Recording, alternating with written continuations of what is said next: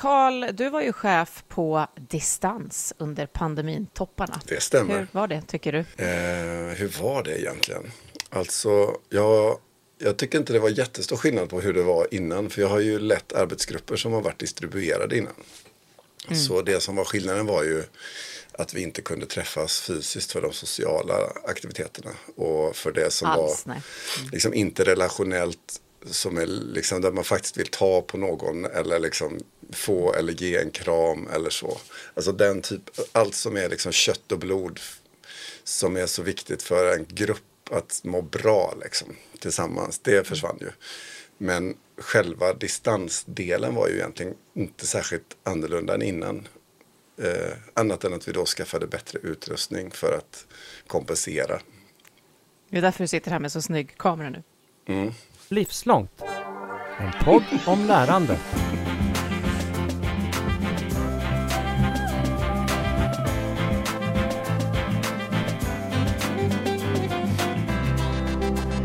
Men du, när du då var tvungen att, att vi aldrig kunde, vi andra kunde aldrig liksom träffas överhuvudtaget. Vad, vad, vad var svårast med det? Hur försökte du liksom ta dig an det? För jag vet att du pratade mycket om frustrationen i mm. fyrkantiga rutor på internet. Alltså, jag, jag tänker att är man i en distansmiljö och som jag valde att ta mig an det, det var ju att försöka accept, dels acceptera att det är annorlunda och man får liksom förhålla sig till det. en acceptans måste, det var tvunget att liksom finnas där någonstans. Eh, att saker och ting får vara okej okay, fast den inte kändes riktigt lika okej. Okay. Så det var en dimension. En annan var ju att vara nyfiken inför att pröva andra sätt att leda på. Eh, och att då gå in i eh, ledarskapet på ett annat sätt. Ett sådant exempel kan handla om till exempel en-till-en-möten. Eh, ha färre eh, gruppmöten där man ska jobba med saker och ting som är komplexa. Bryta ner eh, i högre grad, mm. kortare möten, mer ställtid ja, och så vidare. Mängder av olika liksom, eh, sätt att organisera de strukturella relationerna som gjorde att det blev mer bekvämt på något sätt. Och också känslan av tillgänglighet, att den måste ändå få finnas där. Eh, att det slumpartade inom citationstecken mötet skulle kunna hitta något annat utrymme och så. Så jag försökte jobba ganska mycket med de uh, dimensionerna. Att vara tillgänglig fastän man inte syntes lika mycket och så. Men jag upplevde att det var jättesvårt. Jätte, jättesvårt. Mm. Så jag gillar det, men du... det är svårt.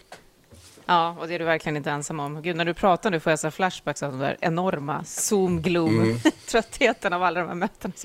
Ja, men nu, nu kan vi tro att det bara är du och jag här i podden idag. Mm. Det är det inte. Men jag heter Katarina Pietschak och du heter Carl Heath. Och så är veckans gäst här, Andreas Wallo. Varmt välkommen är du. Tack så mycket. Du, biträdande professor och på högst relevanta institutioner finns du vid Linköpings universitet, nämligen ja. beteendevetenskap och lärande, pedagogik, sociologi. Men om du beskriver för oss vem du är i relation till livslångt lärande, hur låter det svaret då? Ja, det, var ju, det är ju en, en fråga att bita i, min relation till livslångt lärande. Nej, men jag har ju hållit på och forskat om, om lärande i arbete, i arbetslivet, i organisationer i snart, ja det är väl 20 år någonstans. Då. Så att jag har ju verkligen intresserat mig för frågor om vuxnas lärande och, och arbetsplatslärande och också då i förlängningen det livslånga lärandet eh, som man bedriver i, i organisationers regi kan man väl säga. Mm. Så det är vad jag forskar om och också undervisar om. Och jag undervisar våra HR-studenter, alltså personalvetare främst, men också varit inne en del i organisationspsykologi, kurser på psykologprogram och fristående kurser i pedagogik och, och ledarskap och sådana saker. Och vad har dragit dig åt det här hållet? För det är uppenbart en röd tråd. Vad är, vad är, vad är din ja, drivkraft i det här? Ja. jag måste nog säga under mina egna studier då, eh, kandidat och magisternivå, en, en gång i tiden så fick jag upp ögonen för det här med lärande och tyckte det var spännande. Alltså just pedagogikdelen, pedagogikkursen har alltid tilltalat mig. Innan jag började plugga så jobbade jag i Försvarsmakten också och hade då en instruktörsroll där jag fick prova på det här liksom lärarskapet eh, lite mer hands-on. Så jag, jag har alltid tjusats av det och tyckte det var intressant. Och sen att fördjupa kunskaperna kring begreppen lärande kopplat till eh, också ledarskap. Då. Det var där jag kom in en gång i tiden när jag skrev min avhandling. Då. Jag tittade på hur chefer, ledare kan främja medarbetares lärande i det dagliga arbetet. Så mm. Det har väl funnits med egentligen sen jag blev doktorand och, och, och delvis innan dess också. Tung eh, kompetens och erfarenhet på det här området. Jag bjuder för övrigt bara in gäster som har någon slags försvarsbakgrund så att Karl kan connecta med dem. Ja, vad bra. och så kommer vi så ofta in på att de där modellerna har någonting, har liksom en, en påverkan på det vi pratar om idag. Så. Mm. Men du var inne på begreppen, ska vi bara reda ut det lite snabbt? Eh, du har särskilt fokuserat på kompetensutvecklingsfrågor. Va, Mm. vad innebär det för dig? Vi har ju en flora av begrepp som vi brukar prata om i den här podden. Utveckling, Ja. försörjning, lärande, bildning och sådär. Hur, hur ramar du in det här? Ja, men precis. Nej, men just kompetensbegreppet har ju kommit i lite olika skepnader genom åren. Och, och en grund kan man säga för att utveckla kompetens, då, alltså förmågan att utföra en uppgift enligt de satta kriterierna, då, så att man själv är nöjd och arbetsgivaren är nöjd och uppgiften blir löst bra. Så att det är ju, eh, den utvecklar man ju genom lärande. Mm. Och det, kan ju, det lärandet kan ju vara, och är ofta väldigt spontant och informellt. Den stora delen av lärandet sker ju så att säga medan vi löser problem och interagerar med andra kollegor i, i, i, i det vardagsarbetet. Då. Mm. Sen kan det ju också vara att det struktureras fram, man, man planerar det, man gör saker internt i organisationen och, och sen därutöver brukar man ju också prata om formellt lärande då, när man går på kurser och så. Så att allt det där behövs ju för att utveckla kompetensen. Och det, det är ju också kopplat till kompetensförsörjningen som mer och mer kanske har blivit ett ja, lite modebegrepp. Nästan då, ett paradigm, pratar- liksom kopplas till det idag. Ja, det har, det, har, det har blåst upp väldigt mycket nu senaste, tycker jag, ett, två åren. Mycket mer. Jag har egentligen använt det begreppet ganska länge och, och forskat och det och tittat på flödet av kompetens in i och ut ur organisationer. Då. Eh, Där lärande då blir en väldigt viktig del. Dels för att vara attraktiv som arbetsgivare. Mm. Eh, För det efterfrågas i intervjuerna. Ja, vad finns det för möjligheter för kompetensutveckling och lärande? Men sen också hur man då ja, behåller medarbetare, hur man förädlar deras kunskaper och kompetenser un- under, ja, så länge man har dem. Då. Och också hur man tankar av, i i brist på bättre ord, eh, den gången de lämnar då eller behöver ställa om till annat. Så att det har ju kommit nu och sen så ser vi ju ytterligare då den här anglosaxiska traditionen att vi gärna har engelska begrepp. Så nu börjar man prata om reskilling och deskilling Mm. och upskilling. Getskilling. Och det kommer säkert snart downskilling Ja. också. det. Och det är ju egentligen samma sak fast med lite nya, nya termer. Mm. Sådär. Så det kommer mode i det här och det är ju samma med livslångt lärande också. Det, det har ju också varit så att säga, väldigt stort under 90-talet och sen så kanske man inte har pratat lika mycket och, och nu börjar det återigen komma in i det politiska eh, snacket så där kring, kring hur vi ska främja lärande. Och det, det kopplar ju till de här kompetensbristerna Mm. som väldigt många verksamheter står inför. Mm. Jag nyligen undersökte hur, hur svensk industri eh, ställer sig till det och och det är väldigt många som pekar just på kompetensförsörjning som en av de största utmaningarna för att bli mer hållbara i förlängningen, för att kunna klara den här digitala omställningen. Och så tycker man inte att det finns människor att, att rekrytera, då. de existerar inte, eller det är, det är, för, det är för hårt tryck, Mm. kriget om talangerna. Ja, det där känner jag igen. Och vi har ju också just avslutat ett projekt där du har varit lite involverat där. Också de här människorna själva inte tänker att det skulle vara de som då get upskilled. Så Ja, precis. verkligen- Nej, men då måste man ju tänka kring lärande och, och livslångt lärande och se hur kan vi bygga på de vi redan har. Mm. Mm. ja, lång- långt svar på frågan. Ja, men det här skulle vi kunna prata om i timmar.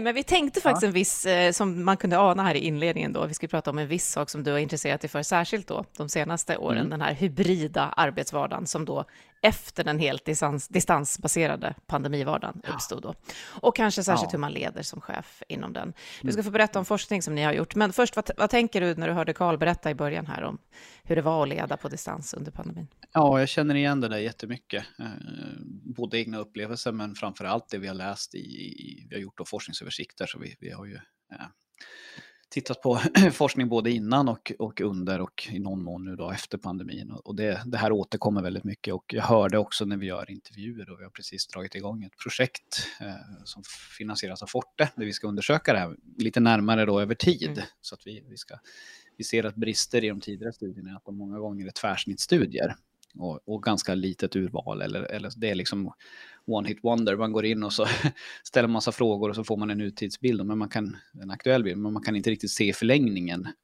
Är det här ett samband över tid? Är det kausala samband? Vad är det som orsakar vad egentligen i det här? Så att det, det hoppas vi kunna råda bot på i alla fall delvis med, en- med en empirisk studie. Mm. Så att, ja, jag känner igen väldigt mycket av det du säger Karl. Det är Mm. Det är många som, som har varit inne i liknande resonemang och, och vissa hade lättare att ställa om och, och, och, kanske så att säga var väldigt positiv och sen har man tyckt att det blir jobbigare och jobbigare och jobbigare och andra började i att det blev väldigt jobbigt därför att man kanske inte hade vanan eller det var väldigt svårt att få till bra möten då. Men successivt så har man mm. vant sig och lärt sig och tycker nu då att ja, men det här är kanske någonting för framtiden också. Så att vi har gjort så, det är så olika individuella resor i det här, vilket också problematiserar, alltså det gör det problematiskt att prata om vad är det bästa då? Det. Hur ska vi ha det?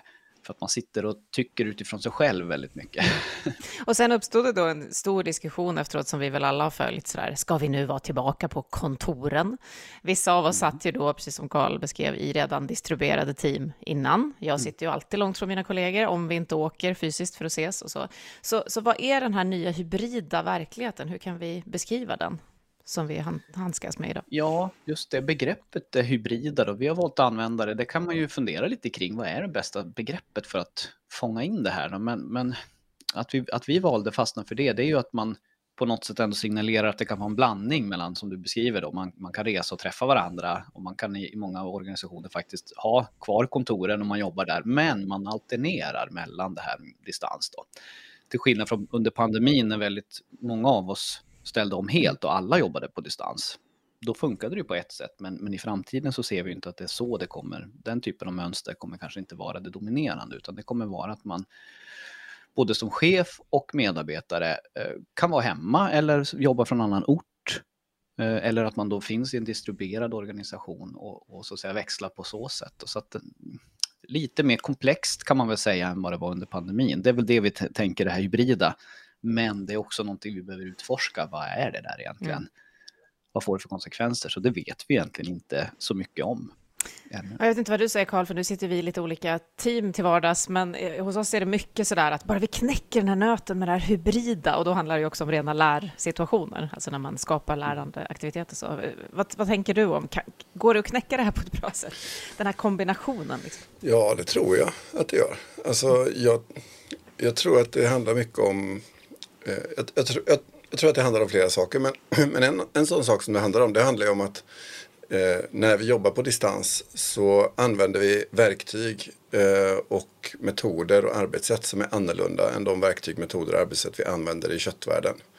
Eh, men i den fysiska världen så har vi eh, liksom decennier av träning på att använda bord och stolar och papper och mm. whiteboards och post-it-lappar och Eh, vi har en, det finns en mängd saker där som är liksom artefakter som vi är duktiga på att använda för att vi har, har mycket erfarenhet. I det digitala så är många av de saker vi använder för hybrid arbete inte designade för det till att börja med. Utan de har ett helt annan eh, funktion från början. Mm. Eh, och, och eh, utvecklingen av verktyg och metoder digitalt är mycket snabbare än vad den är i den fysiska världen.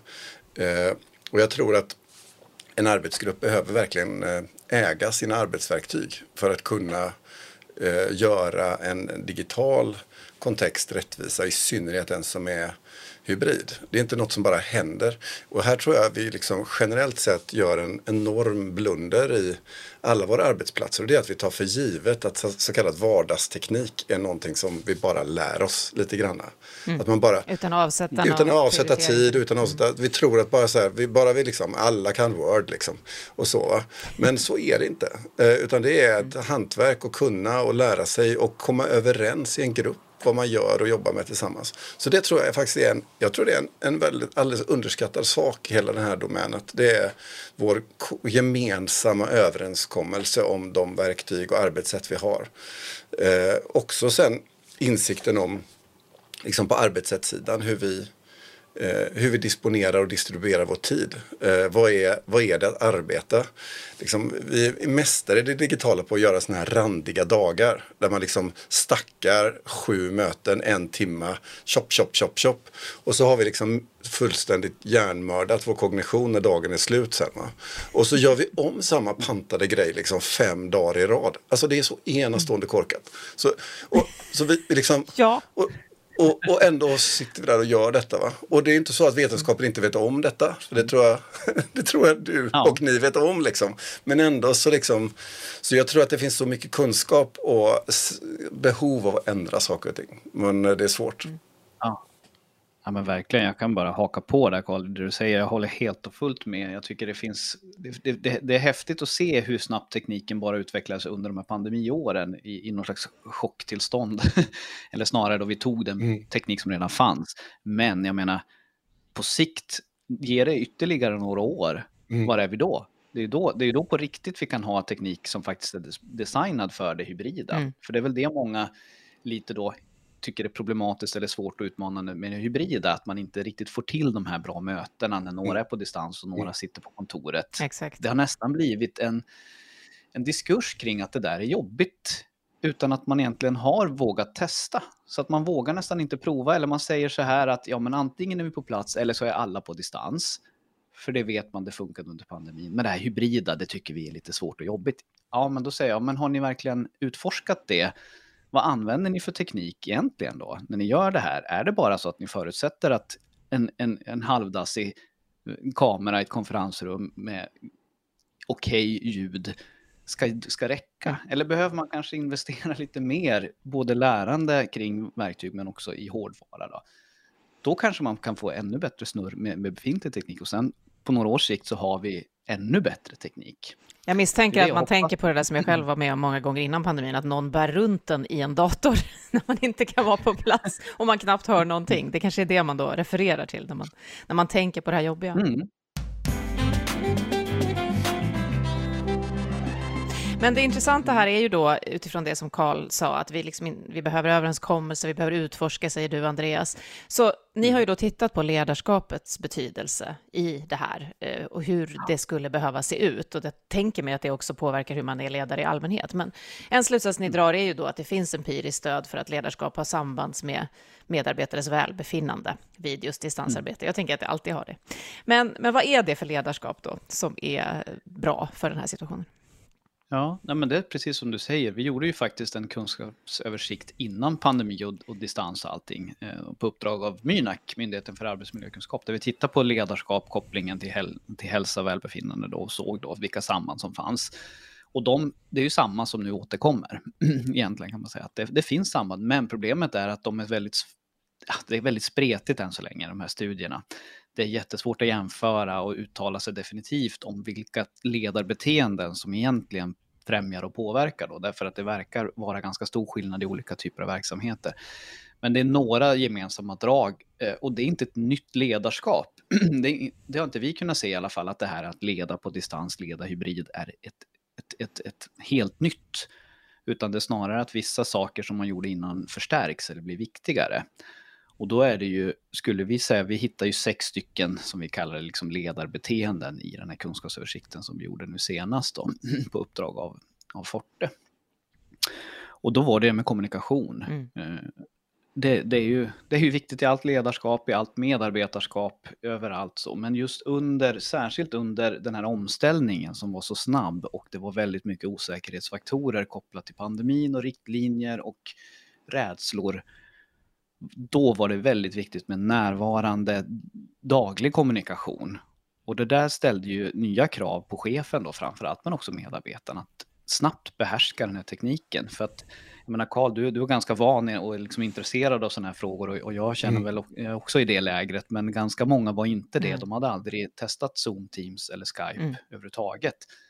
Och sen över natten så ska de in i det där då och dessutom ökade krav på att, att lite lugna medarbetarna, jobba med de här relationsorienterade ledarskapsbeteendena. Liksom, så, att, så att det där är väl den, den, initiala stora utmaningen. Sen tror jag att många har hittat formerna för det. Och då blir svår, det, det som är svårt sen då som vi ser, som återkommer mycket, det är ju balansen mellan struktur och regler och riktlinjer och någon slags kontrakt med medarbetarna kring hur man vill ha det, mm. för det efterfrågar man ju. Mm. Men man vill också ha tillit. Man vill inte känna sig kontrollerad, Just. så man, vill, man både vill och inte vill ha kontrollen där. Mm. Så det pekar vi lite i den här rapporten som en balansakt för chefer, som kanske blir extra viktig eller extra tydlig när man, har, när man leder då på distans eller hybrida arbete. Jag tänkte faktiskt på det när jag läste autonomi i ena änden och stöd och empati i andra. Och hur ser balansen ja. däremellan ut? Liksom. Hur ser balansen mm. ut? Och vi pratar ju mycket om tillit och tillitsbaserad ledning och ledarskap och sådär. Men vad är det egentligen i det här digitala då? Mm. För man vill ju, ha, man vill ju veta som medarbetare, ja, men vad får jag göra, vad får jag inte göra, vad har jag för rättigheter och skyldigheter? Mm. Eh, hur vill vi ha det i arbetsgruppen, som du beskriver Karl? Att man måste ju liksom diskutera det där. Det tror jag verkligen är en nyckel, att, att våga som chef lyfta frågan. Hur, hur gör vi det här på bästa sätt i vårt team eller på vår avdelning? Mm. Utan att chefen ska avsäga sig ansvaret för verksamhetsperspektivet, för det måste ju på något sätt finnas i botten där. Det får ju inte vara bara individanpassning. Att alla tycker att ja, men jag vill jobba de här tiderna och sen ska jag hämta barn och sen har jag friskisträningen och sånt där. Ja, men vad kul för dig, men vad är verksamhetens behov? Mm. Där måste man ju ändå någonstans starta. Då.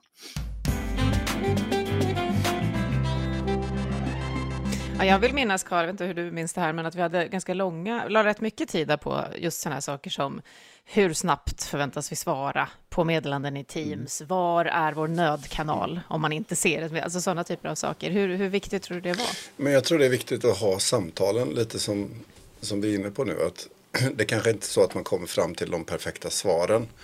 Eh, och utan att det liksom ofta utvecklas en lite emergent kultur eh, i en arbetsgrupp. Men att genom att ha ett samtal om det så kan man liksom på metaplanet liksom, eh, kognitivt fundera kring liksom, vad är det här för kultur vi nu utformar för någonting. Och då kan man dra i bromsen när det drar iväg åt ett visst håll eller uppmärksamma någonting som skaver som kanske inte alla sett eller sådär. Eh, jag vet att jag under pandemin hade väldigt många idéer om hur saker och ting skulle gå till som liksom aldrig funkade i praktiken. Det var så här, bra på pappret, funkar inte i verkligheten.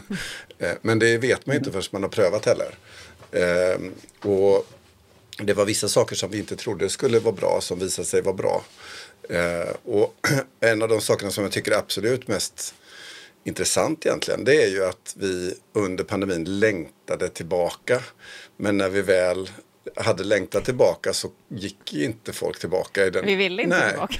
Utan man har ju insett att eh, liksom arbetstiden till jobbet eh, som det tar att pendla eller eh, koncentrationsarbetstid eller vad det nu kan vara för någonting har liksom fungerat på ett betydligt bättre sätt under andra omständigheter och betingelser för många. Och Mm. Och det innebär att vi liksom eh, befinner oss i en väldigt ny och helt annorlunda position än, än för. Det, liksom, det är inte en fråga om en återgång utan nu håller vi på och bygger ett helt nytt eh, sammanhang igen. Eh, jag tror det är djupt naivt att tro att eh, eh, arbetslivet skulle på något vis återgå till något som var utan, utan vi är i ett nytt läge och det behöver vi också utforska igen. Mm. Mm. Jag brukar säga att arbetsgivare har hamnat i en situation nu när de för första gången har behövt ställa sig frågan men varför ska medarbetarna komma mm. till kontoret? Mm. det behövde de aldrig göra mm. innan pandemin utan det var givet. men, men nu måste man, man måste både erbjuda möjligheterna för det krävs för att vara en attraktiv arbetsgivare och det efterfrågas hur mycket kan jag jobba på distans? Det är en, det är en given fråga då. Samtidigt som man också vill skapa en kultur där, där medarbetarna mm. vill komma. Alltså så att det, det är både och. Man ska försöka balansera det där erbjudandet men helst ska det inte överutnyttjas. Då är med, mm. eller arbetsgivaren i alla fall som gladast. Mm. för det verkar ju vara... Ja. Ett sätt att tänka om det, det är ju att just precis det du är inne på att vi tog det för givet att arbetsplatsen är stället på vilket man arbetar. Eh, Medan jag kan uppleva att vi börjar ställa frågan snarare vilken arbetsprocess mår bäst av vilka arbetssätt? Och när man ställer sig den frågan så uppstår andra mönster. Nej, men ett, äh, någonting jag gör när jag sitter och tänker själv och ska skriva, det kanske jag gör bäst hemma. Men ska jag ha en workshop med kollegor som är kreativ, då kanske jag ska vara fysiskt. Eh, ska jag mm ha en eh, informationsträff som chef, ja, då kan jag spela in den på, och, och, skicka ut den som en inspelning. Men ska vi ha en, eh, ett samtal om någonting där vi behöver liksom ha hög densitet i mellanrum och vi är distribuerade, då kanske vi ska ha särskilda digitala arbetsformer för det. Så att vi, och, och att det där med liksom distans och fysiskt inte har att göra med när i veckan veckan eller någon annan liksom grov eh, tillyxad sak utan som handlar just om det här med verksamheten i fokus. Vad är det vi vill uppnå? Om vi ska uppnå det tillsammans, vad är de bästa förutsättningarna? Men det är ju som du är inne på, det är ett väldigt annorlunda ledarskap i att ställa den frågan om sin verksamhet. Mm. Och där tror jag inte... Ja, det var ju en del fackförbund som var ute och förenklade det här lite grann. Chefen vet vad som är bäst ja. för verksamheten och bestämmer. Ja, men mm. dels så. Man har försökt förenkla det för det har varit svårt och man har också försökt falla tillbaka väldigt mycket på vad säger reglerna, eh, liksom ja, försäkringsregler. Alltså det finns jättemycket sånt, sånt där som har kanske fått för mycket stor betydelse i, i diskussionen. Jag, jag gillar det du säger, att våga testa och, och, göra den här mappningen och se vad har vi för möten, vad har vi för, för liksom forum som är viktiga för oss. Vad passar för vilken form av, av liksom interaktion? Då? Eh, den, den, kartläggningen tycker jag fler borde göra. Mm. Vi håller på nu i ett projekt som eh, vi har Vinnova-medel för, min kollega Jason Martin, som ni kanske ska prata med. Tack för eh, Han driver det och där vi, där vi tittar på närhet på distans heter det projektet. Och då jobbar vi med tre organisationer, det privata och offentliga. Och försöker nu, vi har kartlagt vad är det för distanshybrid grejer de har då. Och, och, och, eh, vi ska också testa har vi tänkt, alltså in, föra in lite att ja men nu har ni det här mötet, här ska ni försöka vara kreativa, om vi gör det på distans och ni får använda den här whiteboarden, vad händer då? Och så utvärdera det efteråt. Och att vi gör det som forskning då, mm. så är de med på det där. Eh, så det, det, hoppas vi kunna göra nu under det här året, att få lite, nästan lite interventioner i, i distansarbetet. Mm. Så det ska bli kul, men det kan Jason komma och, och, och prata mer om sen när vi har resultat. Ja, vi bjuder in honom. Men en annan sak just i det här, liksom, skillnaden på det fysiska och digitala i den här kontexten, det handlar också om makten över arbetsverktygen. I den fysiska världen så är whiteboarden framför mig, jag har pennan i handen och jag kan skriva på den. Eh, det är i och för sig frågan om så här, har jag tillträde till lokalen eller inte. Det är en liksom maktfråga.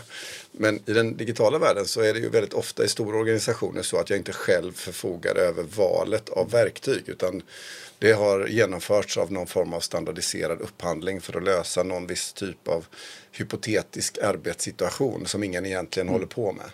Och, och det där tror jag eh, begränsar väldigt många, inte minst eh, i offentliga miljöer.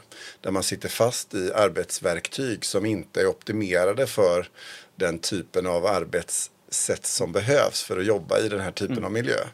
Och när vi upphandlar dem så upphandlar vi dem inte som ett hybridarbetsverktyg utan vi upphandlar dem som ett videokonferenssystem ja, eller vad det kan vara. Vilket är en helt annan kravställning. Och, och där tror jag vi lider lite grann av att vi kanske saknar språket och insikten kring hur gör vi då när vi ska köpa de här verktygen så att vi faktiskt kan pröva dem på det sättet som, som ni gör i det här forskningsprojektet. Ja, men det vore ju någonting att kunna ta fram eh, tillsammans. Alltså, goda kriterier vid upphandling, alltså att man verkligen ser över det med, med verksamhetsfokuset och just de här frågorna kopplat till lärande. Jag skulle då. precis säga tycker, det, kan vi koppla det här ja, till lärande? Ja, alltså också... det, men det är just det, alltså både lärande, välbefinnande och, och, och hälsa, de här, om vi pratar, alltså det är ofta där det blir lite extra svårt, alltså mm. de här informationspunkterna med, med liksom alla nyckeltal som ska dras i höger och vänstervarv, det är inte jättesvårt. Det kan man spela in, precis som du säger. Men det är ju när man ska lära, kreera, innovera, mm. Mm. Eller, eller liksom någon mår dåligt. Det är då det här ställs på sin spets. Och då måste vi ju ha bra verktyg som, som möjliggör det. Det är ju mm. bara sån här grej som när man sitter på distans då och, och eh, man kanske inte hör varandra jättebra för några sitter i en konferens och det är lite bullrig miljö eller man ser inte varandra i ögonen. Jag, det är någon som jag har försökt lösa tekniskt hemma på något vettigt sätt. Hur ska jag ha kameran så att jag kan se om, mm. om vi är flera på skärmen? För nu tittar jag ju på er lite olika. Och jag tittar bara rakt in i kameran så jag ser er knappt. Du tittar alltid rakt in i kameran, precis. Ja. Ja, men, det... man, vill ju ha, man vill ju ha ögonkontakt men också se den ja. andras reaktioner. Ja. Så att vi är lite ovana i, det är inte så vår hjärna funkar, utan man vill ha kameran. Och just precis det här är ju en av de sakerna som jag i tidigt i pandemin liksom verkligen irriterade mig över. Jag kände att den kognitiva belastningen för mig att hela tiden behöva tänka på detta begränsa mig i att ha ett bra möte. Och då skaffade jag ju en, en prompter, ja. sån som man har i en tv-studio. Eh, väldigt fort. Eh, för då kan jag titta er i ansiktet eh, och se er samtidigt. Och tittar jag ner så är det för att jag sitter och tittar på min datorskärm där jag har mina anteckningar och så. Och det blir ett liksom naturligare mm. förfarande och det är liksom inga tusenlappar det handlar om. Men, men det är klart det tar lite plats och ser lite stort ut och så. Men det funkar. Och, och det är ju det där med verktyg och liksom hur viktigt sådana små detaljer är just för en lärande situation till exempel. Om jag ska orka och hålla mig igenom någonting, ja, då, Och nu när jag har haft det så här i, i två år med en prompter så kommer jag ju, jag vill ju inte ha det Nej. på något annat sätt. Jag blir jättefrustrerad när jag inte har det. Jag har fått i uppgift här, och där ser ni. Ja, men jag, har, jag, har ju, också- jag har ju också en då. men jag, den står i hyllan Ja. just nu. Jag brukar använda den när jag spelar in. eh, Exakt, Och ska det är det liksom man- inspelade. Mm. Då. Men det är som du säger, jag borde ju rigga den i, i, i vardagen. Men det låter som vi tre kanske är lite teknikintresserade. Eller någon annan har vanlig- tyckt att vi ska vanlig vara chef, liksom. Ja. Mm. En vanlig medarbetare som inte har så mycket... De, de har ju överhuvudtaget aldrig tänkt tanken. Teleprompter, Mm. vad är det? Nej. Det har man i, i TV4 studio. Liksom, eller så här. Mm. Eh, Mm. Men som du säger, det är inte någon jätteinvestering. Det är inte speciellt tekniskt svårt att använda, men det, Nej, och det är det här jag kommer in på, att det här är ju en arbetsmiljöfråga och inte minst för mig är det liksom en lärandefråga om vad som handlar om vad som skapar bra förutsättningar för en arbetsgrupp att funka ihop. Eh, och, och det kan nästan liksom kännas lite frustrerande att vissa saker kan nästan upplevas liksom lyxiga eller så här, det är täckigt eller vad det är för något. Men nej, men måste det vara det? Jag, tyck, jag tycker kanske inte det. Det kanske borde vara mer mainstreamat på något sätt. Jag tänkte jag skulle komma tillbaka just apropå det här då med lärande till er forskning, Andreas, och hur ni har tittat på. Ni har liksom hittat olika ledarstilar, olika ledarbeteenden. Beteenden kommer vi ofta tillbaka till när det gäller lärande, att ändra sådana. Olika kategorier av beteenden, sprida information och kommunicera som du var inne på, styra, sätta gränser, men också släppa på tyglarna och involvera. Stötta och visa empati, men också kunna sanktionera och sätta värde på. Situationsanpassa och hålla ihop och så. Och så pratar vi ganska ofta i den här podden om att leda för lärande, ganska nyligen till exempel med Helene Barnekow. Hur, hur väl hänger det här samman? Om man, om man lyckas med det här i en hybridsituation som ni har hittat, leder man då för lärande? Oh du, det där är en super, jättestor fråga för mig, för jag har ju nämligen liksom varit i det här ledarskap för lärande-fältet så länge nu. Eh, och det vi kan se är ju att det är inte så många studier, vi själva har inte riktigt adresserat lärproblematiken rent empiriskt ännu. Då. Mm. Vi har precis, vi har en ansökan inne till Forte om att få göra det och studera arbetsplatslärande när man jobbar i hybrida liksom, mm, verkligheter, både från ledarperspektiv och medarperspektiv. Men det är inte så många som har gjort det. Det har kommit en del ja, mer konceptuella papper, alltså, där man försöker liksom mappa upp och, och peka på att det är viktigt, men det är väldigt få som än så länge har studerat det här empiriskt. Mm. Eh, jag gissar att det finns, alltså många av de här beteenden som, som vi ser eh, när man ska leda lärande, ja, offline eller så fysiskt, det kommer ju vara viktigt även i det digitala. Och då, men det kommer också kanske tillkomma saker och det kommer kanske vara så att vissa av de här grejerna blir viktigare. Mm. Det, det vi har sett eh, när vi tittar på forskningen om, om ledarskap för lärande på plats då, om man säger, ar- på, på kontoret och så, då är det ju att, att vara en supporter, alltså det, och det återkommer ju även i den här distansledaröversikten. Mm. Men sen är det att vara en utbildare. Att, att chefen många gånger tar en slags pedagogisk roll. Och den där, eh, det kan ske naturligt därför att man många gånger som chef har jobbat operativt i verksamheten och man kan det där och man kan lära upp de nya. Men ibland eh, så rekryterar man ju externt och då blir den rollen svårare och man kanske inte alltid får den träningen i att lära ut. Nej. Så det ser vi som ett kanske kompetens kunskapsbehov för många chefer att, att våga axla den här utbildande rollen och att den inte heller bara handlar om någon slags kunskaps, alltså instruerande kunskap, alltså i enkel bemärkelse, utan att nyckeln där ligger mycket i att skapa reflektion. Att rucka lite grann på invanda mönster, att man, att man tar sig an lärandet eh, på det sättet också då, Mm. så att man vågar experimentera. För det är något vi tittar mycket på, att växla från det här instruktörsfokuset till att sätta just lärandet i centrum. Och det låter Ja. som att det är det du beskriver, att, att Ja, ledare exakt. skulle behöva addera. Liksom. Mm. Och, och då är vi i det här dis- distans, att ja, men hur gör man det då på ett bra sätt när man ses Mm. via en kamera? Mm. Eh, Jag vet inte, men jag tror att vi kan nog förmodligen, jag menar, var och en har nog testat olika saker, men där skulle man behöva samla ihop den erfarenheten och, och lyfta fram den och, och peka på att ja, men det här kan vara goda exempel på sätt som en chef, eh, medarbetargrupp kan främja lärande givet de här omständigheterna. Eller att man har de här uppdragen då, så att man på något sätt matchar. För hur bra är vi på det Leda. här? Ser ni någonting om det? Hur bra är chefer på det här idag? Ja, jag vet inte faktiskt, det kan jag inte riktigt uttala mig om. Eh, Jag tror att det är väldigt olika. stor, stor variation. Mm. Men om man vill bli bättre då? Ska vi avsluta med att enas om några så konkreta steg på vägen? Om man nu sitter i den här hybridsituationen, en chef mm. nära mig gör det till exempel. Vad kan man skicka med? Ja, jag tycker, vi, jag tycker Carl sa det bra redan inledningsvis här, att, att eh, ja, men vara nyfiken, att, att pröva, experimentera. Så länge man, tycker jag, är tydlig med det i sin kommunikation, att ja, men nu provar vi att köra den här mötestypen på distans eller hybrid under en period och sen utvärderar vi. Mm. Då får medarbetarna, ja, de får vara med och forma det, men sen får de ju acceptera att ja, men nu är det här ett test. Mm. Mm. Och jag tycker vi, vi, generellt sett så gör vi lite för lite tester och experiment och piloter mm. i vårt dagliga arbete. Det tror vi skulle kunna göra mycket, mycket mer. Så att, mm. det här är ett gyllene tillfälle att, att lära sig och kompetensutveckla tillsammans, chef, medarbetare. Så det är väl ett sånt där konkret mm.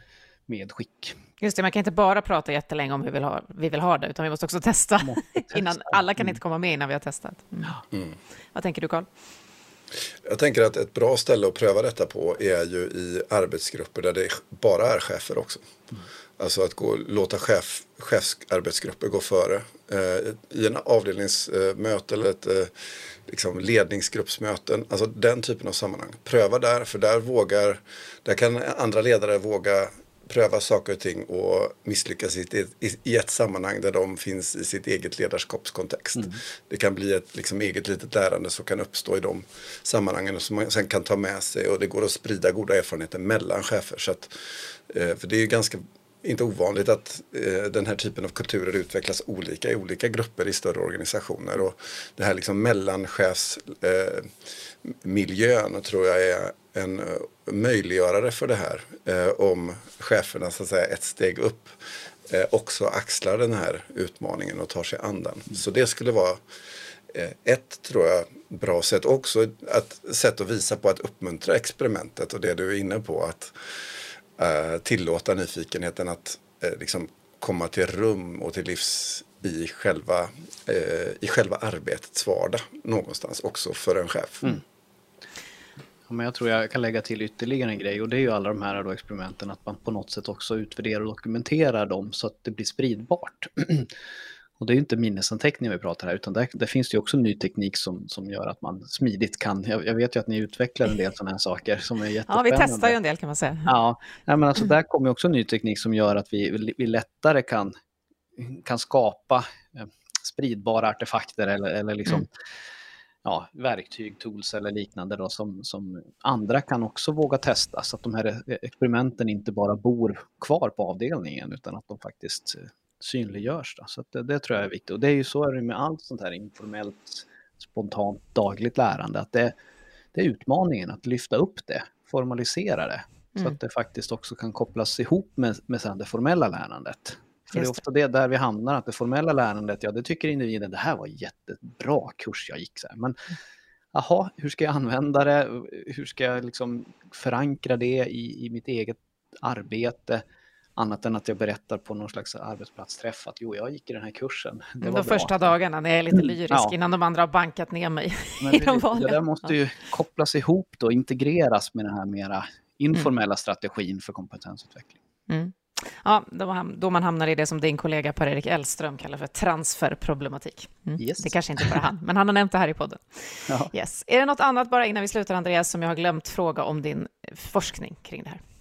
Nej, jag vet inte. Det, det, det, är det säkert, men jag tycker vi har varit inne på väldigt spännande grejer och jag tycker jag uppskattar samtalet här och jättekul Karl att ja. höra dina erfarenheter och, och sådär. Jag tror att vi, vi har tangerat ganska många intressanta spår som jag hoppas att fler forskare eh, tar tag i och, och, studerar, men också att, att fler chefer, medarbetare också vågar eh, prova. Och sen mm. att vi tankar av varandra och reflekterar kring de här sakerna då, så att vi också så att säga, får igång ett större lärande.